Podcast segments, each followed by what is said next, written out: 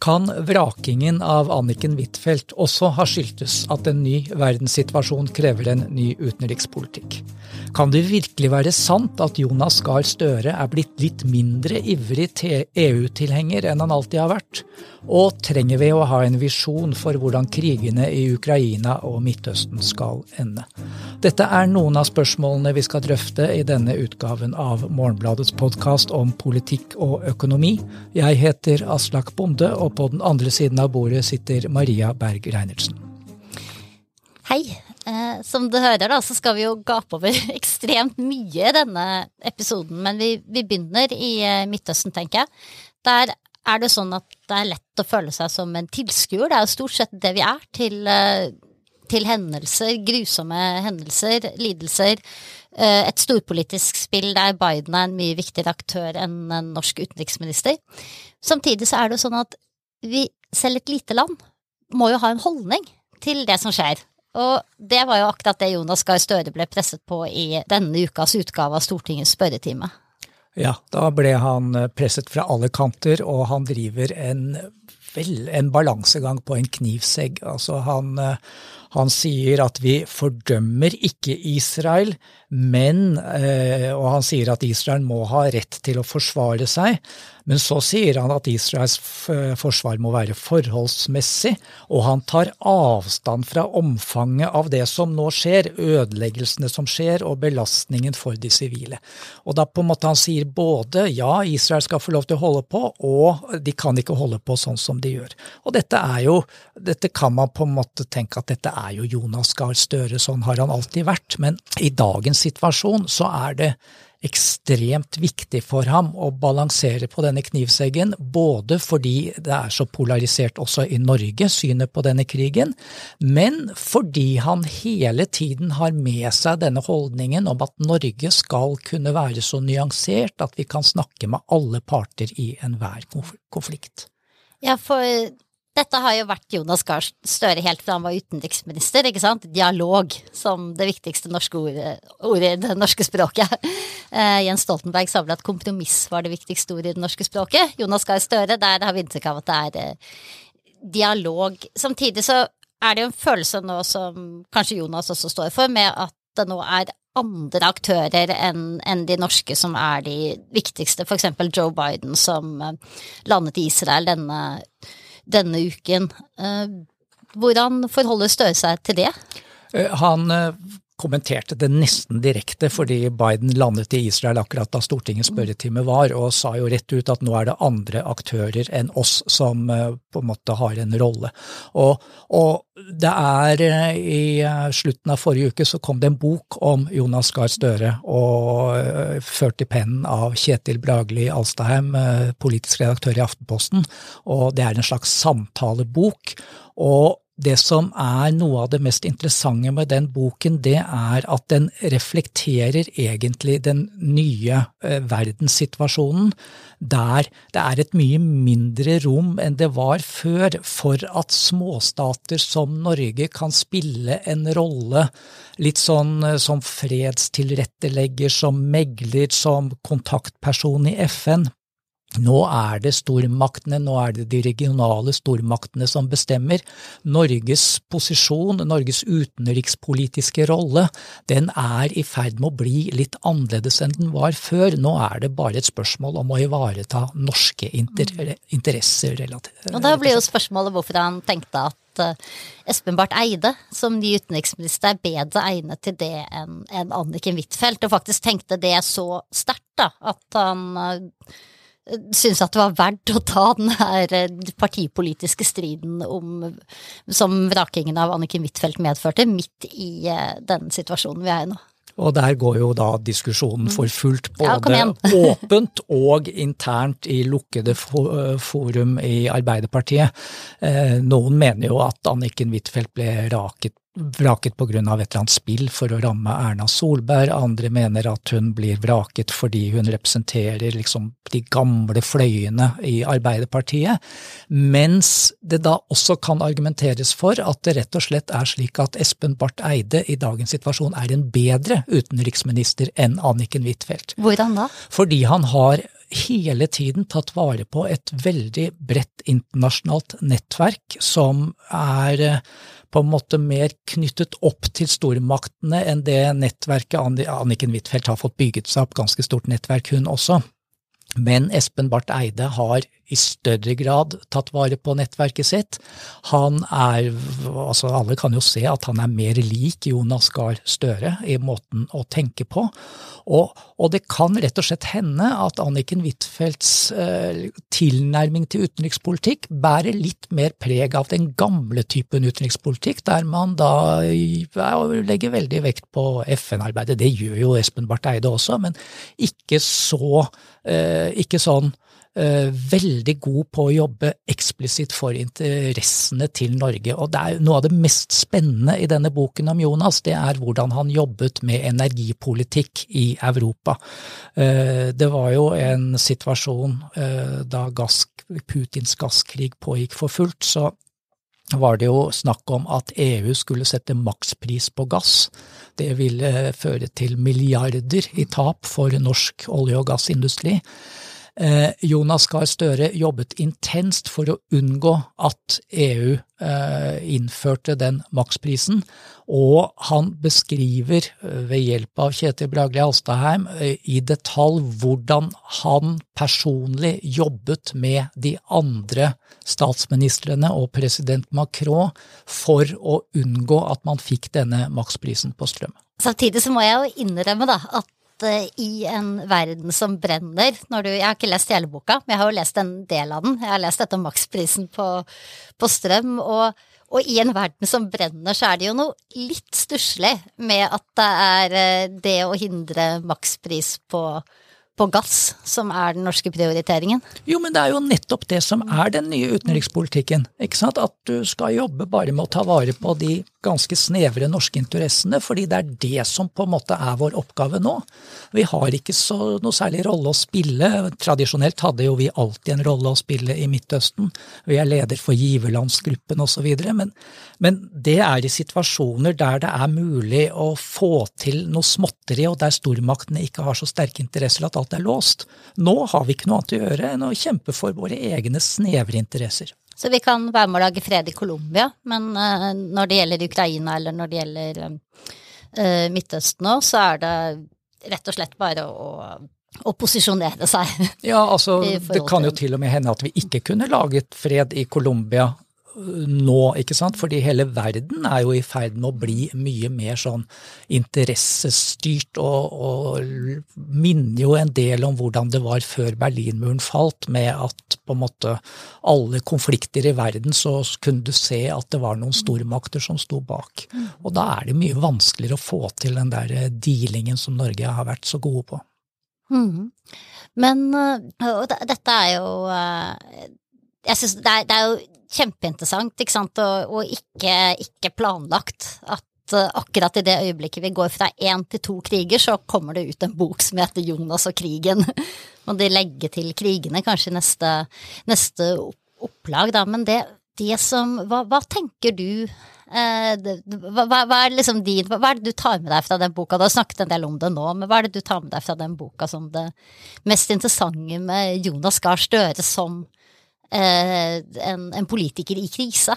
For det er jo det, det den handler om. En rekke kriser som har og, og, er, og nå, nå, sa du det akkurat sånn som forlaget, og jeg mm. tror kanskje Jonas Gahr Støre og Kjetil Bragli Astheim ønsker at det skal mm. sies. Mm. Ikke sant? Fordi eh, det var en bokpresentasjon på Litteraturhuset i Oslo mandag kveld. Og da ble det jo gjort rede for forhistorien til denne boken. Det var altså en i Aschehoug forlag som så denne TV-serien da Macron ringte Putin, hvor fransk TV fikk følge eh, Macron veldig, veldig tett mens han forsøkte å unngå at krigen i Ukraina brøt ut. Og denne forlagskonsulenten ble så begeistret for den serien og skrev da til Kjetil Bragli Alstein kan ikke du lage en tilsvarende bok? Ikke sant? Og den serien da Macron ringte Putin, det er jo, den ble antageligvis igangsatt da man håpet at han skulle lykkes. Det var jo fransk presidentvalgkamp, og man skulle liksom ha en serie om hvordan han forhindret krig. Eh, men det er jo Macron er helten, og i denne boka så er jo Jonas helten. Og det er litt det er interessant å høre hvordan Kjetil Bragli Alstein stiller spørsmålet til Jonas kunne du ha delegert noen av disse oppgavene dine ute i verden? Og så svarer han at nei, det kunne jeg ikke, eh, fordi det er nå blitt slik i verden at mer og mer av utenrikspolitikken eh, faktisk avgjøres mellom statsministrene og presidenter. Eh, I EU så møtes statsministrene så ofte, og det gjør at også utenom EU, der hvor vi er, så når vi skal ha kontakt med EU-stormakter, så er vi nødt til på en måte å stille opp på statsministernivå. Det holder ikke at en utenriksminister kommer, det er ikke mulig å sende en vikar. Så da trenger man en utenriksminister da, som mer enn å ha sin egen posisjon, liksom trenger å jobbe tett i og sømløst i tospann med statsministeren. Eh, det en en ting som også altså Støre snakker jo også om Macron i, i den boka her, og en ting han sier som, som jeg, jeg, merket meg, da, det er jo Han, han forteller fra et uh, møte de, de har uh, statsministrene imellom rett etter at krigen har uh, i NATO, statsministermøtet i Nato er det vel rett etter at uh, krigen i Ukraina har startet, og så sier han det at det bare var han og Macron på det møtet som faktisk tok til orde for at man måtte ha en tanke også om hva skjer etter krigen i Ukraina. Hvor skal vi, hvor skal vi være da? Det, det syns jeg er interessant, for får du inntrykk av at han har noe sånn skikkelig visjon av det i den, i den boka? Eh, nei, han har ikke en visjon av hvor vi skal ende, men han er jo veldig opptatt av hvordan den krigen skal ende. Og, og det, som, eh, det, det, som er litt interessant, er at når du på en måte helhetsinntrykket er vel at han ser for seg at krigen i Ukraina ender omtrent der man er nå, med den grensen som omtrent uh, er der nå, fordi frontene er på en måte ugjennomtrengelige både for Ukraina og Russland, og at egentlig det som gjenstår er at Ukraina og Russland forstår at det er sånn det kommer til å ende. og så lenge de ikke forstår det, så må vi støtte Ukraina fullt ut. Men eh, det, det jeg syns er det mest interessante her, er det han gjentar gang på gang, at vi kan ikke klippe Russland ut av kartet. Han, han uh, sier at vi er nødt til å forholde oss til Russland etter denne krigen, uansett. Mm. Og han fjerner enhver illusjon om at vi på en måte kan eh, marsjere inn i Kreml og bare drepe Putin eller stille han for retten. Vi, vi, kommer mm. til å ha et regime vi må forholde oss til. Og, og det, der er han det er jo ingen visjon, men det er jo en, eh, en konstatering av en kjensgjerning som er veldig interessant. Ja, nei, og visjon er jo kanskje et litt sånn rart ord å, å, å bruke her, da, men eh, det er jo kanskje mer det at det, jeg er nysgjerrig på, er om, om, de som lager politikken i dag, ikke sant, og tar beslutninger liksom fra dag til dag, uke til uke. Uh, om du har en tanke om hvor, hvor, alle summen av alle disse beslutningene, da, ikke sant, enten det gjelder energifelt eller oppbygging av Forsvaret eller videre, hvor, hvor, det skal føre oss. Så rett før uh, sommeren så hadde vi en uh, så, så, hadde vi en stor sak i Morgenbladet der vi intervjuet uten, uh, Lena Lindgren, og, og, jeg intervjuet de utenrikspolitiske talspersonene til, til de kanskje fire ja, fire mest markante partiene, minus Rødt, i, i, denne saken. Anniken Huitfeldt, eh, Ine Eriksen Søreide fra Høyre og eh, Ingrid Fiskå fra SV og Guri Melby fra Venstre. Vi ønsket å snakke med de som uh, har stemt for våpenstøtte til, til, Ukraina, og utfordre dem litt på hvor, hvor, skal, dette, hvor skal dette ende? Hvor ser tror dere at Europa er om fem år, om, om ti år. Og, og det var litt interessant, fordi de, de, skilte seg ut fra hverandre på litt sånn eh, Ja, vil jeg si interessante, kanskje uventa eh, måter, da. Eh, Ingrid Fiskå, som jeg hadde venta skulle komme med en ganske klar visjon. Eh, hun er jo liksom fredsbevegelsen i, i SV, eh, sin eh, tydeligste tals, talskvinne, kanskje. Hun, hun var jo veldig åpen på at det var vanskelig å ha en tanke om dette, og at det egentlig handlet litt om det at det var så vanskelig å ha en, en åpen debatt om utfallet av, av, denne krigen, og hvor Europa er på vei, uten at man ble mistenkt for på et eller annet vis å være Putin-apologet. Så hun savnet på en måte grunnlaget for å gjøre seg opp en mening der. Eh, Anniken Huitfeldt hun var veldig tydelig på at hun ikke egentlig ville tenke fremover offentlig på den måten. Hun ville ikke fikk inntrykk av at, at, hun ikke ønsket å lukke noen dører, liksom, ved å låse seg til en eller annen visjon. Hun minnet om at ting kan endre seg veldig fort. Mens uh, Ine Eriksen Søreide var jo den som egentlig hadde det, det, klareste bildet, og det var jo ikke noen visjon, det var jo egentlig nesten en slags dystopi, da, av et, uh, et Russland som uansett om de blir stående fast i Ukraina i en lang krig, eller av en eller annen grunn skulle bli kastet uh, tilbake til, til grensene sine, da, og, og, og måtte gi tapt, vil være et, et veldig aggressivt, kanskje ydmyket Russland. Eh, et, et Russland de ikke kan stole på, fordi de har vist at de bryter avtaler, ikke sant. Eh, og at det må vi, må vi forholde oss eh, til. Hvor, hvor, tenker du liksom Jonas Gahr Støre plasserer seg i det landskapet her? Inntil videre er han jo veldig forsiktig med å og Han er jo som Anniken Huitfeldt var da, vil ikke si så mye, men det er eh, det som Og det er jo også en effekt av at Norge, også når det gjelder Ukraina-krigen, vi, vi, er jo ikke en spiller. ikke sant? Altså Vi bare er, må gjøre som de stormaktene sier, egentlig. Men eh, du kan jo se for deg at han kanskje over tid begynner å tenke på at vi bør tenke altså bør se etter muligheter for å støtte noe litt mer liberale, vestligorienterte krefter i Russland eh, hvis det noen gang kommer dit at det blir noe konkurranse om makten i Russland. Det ser helt håpløst ut nå, men det kan skje, og, og Jonas Gahr Støre er jo en en optimistisk utenrikspolitiker, egentlig per definisjon. Han, eller, altså, han vil være det uansett. Med ett unntak, og nå må vi komme inn på det jeg ja. syns har vært det aller mest interessante i forbindelse med den bokpresentasjonen. Og det er faktisk helt sinnssykt at det er EU vi snakker om da. Ja. ja. Nei, vi må ta med oss det med EU, fordi ja. Eh, det, han snakket Jonas Gahr Støre på Litteraturhuset på mandag til en eh, entusiastisk 100-personers sal hvor alle var veldig opptatt av utenrikspolitikk. Det må sies, eh, og alle syntes det var nydelig å høre Jonas og Audun Lysbakken og Ine Eriksen Søreide snakke lenge og uavbrutt med utenrikspolitiske resonnementer. Og det er mulig det som fikk ham til å reflektere rundt EU på en måte som flere enn meg ble overrasket over. Han tok nemlig avstand fra Ine Eriksen Søreides vanlige resonnement om at det er viktigere å bli EU-medlem nå enn det har vært tidligere. Og, og, han sa at vi må jo være klar over at EU nå har store fordøyelsesproblemer, det er strekk i laget.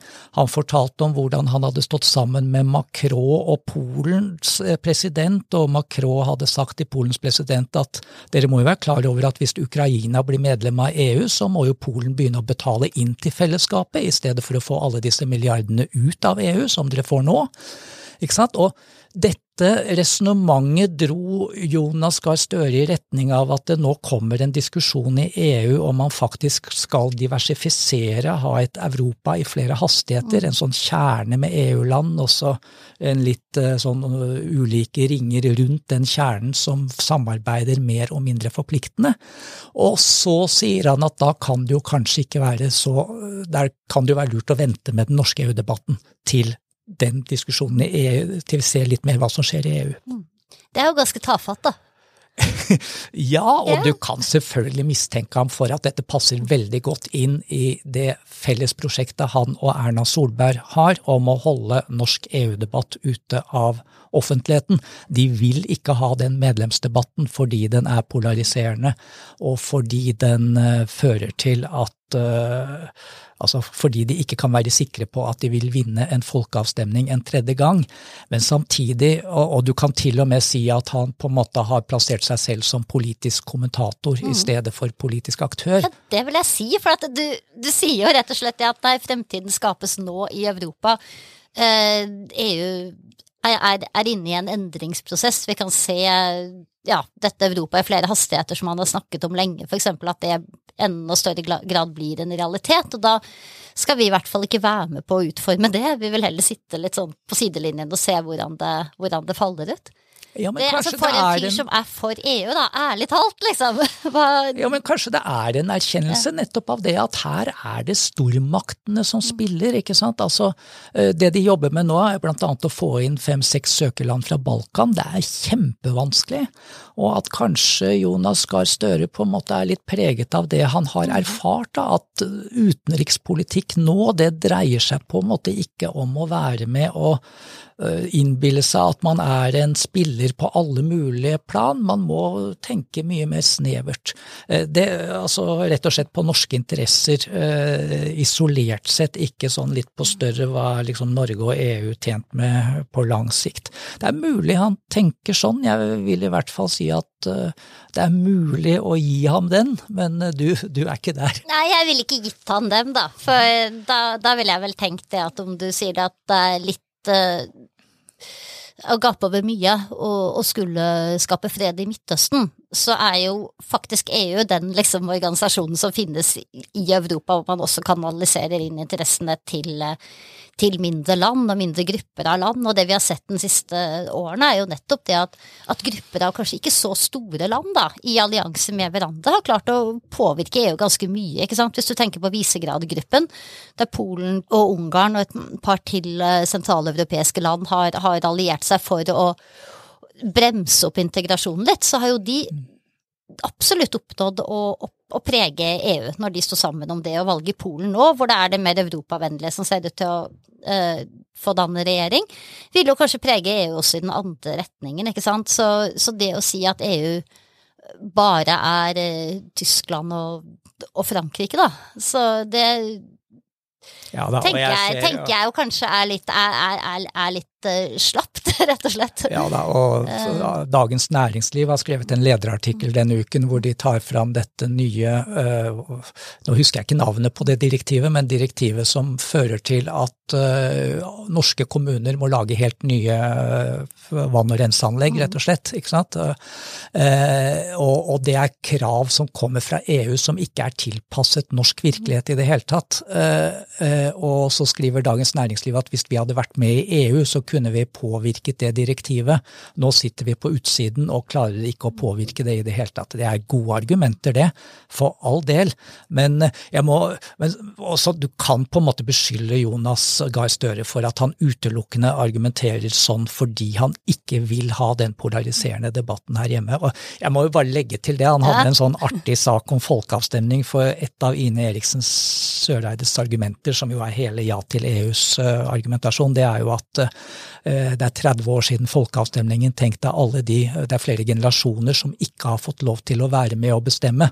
Og da bare repliserte Jonas at ja, men det er over 100 år siden folkeavstemningen om kongedømmet. Og det er jo ingen nå som har bestemt at vi skal ha det kongedømmet. Og, og, vi som satt i salen da, vi syntes jo det var et ganske artig bilde, mens du bare rister Nei, Det er så utrolig teit. og, altså, og, det er jo ikke teit for at det ikke det er klart det er smartest svar, og det stemmer jo det, men eh, først og fremst så det, er jo et helt greit og legitimt argument også, at det er lenge siden folk har fått eh, mene noen ting om EU. Og hvis du virkelig mener at Norge bør inn i EU, da, sånn som Støre har ment, det har vært en av de få tingene han virkelig liksom har ment litt utover bare dialog, ikke sant, her har han hatt en posisjon, så syns jeg jo det er litt sånn trist hvis han skal gå vekk fra den, den, posisjonen også. Om han ikke kan ha en visjon for uh, hvor krigen i Ukraina skal ende, eller hvor, hvor, vi skal ende opp i Midtøsten, så kunne han jo hatt en visjon for uh, Norges forhold til Europa, da, som var litt mer enn uh, vi får vente og se hva som skjer med Europa. Det blir ikke bare siste ord, det blir siste formaning i denne samtalen. Vi takker produsent Emma Johnsen Rødli og ansvarlig redaktør Sun Heidi Sebø. Og så minner vi om at det er kommet en ny Morgenblad-podkast nå, Morgenbladet kultur, med Elise Dybevik og Aksel Kielland.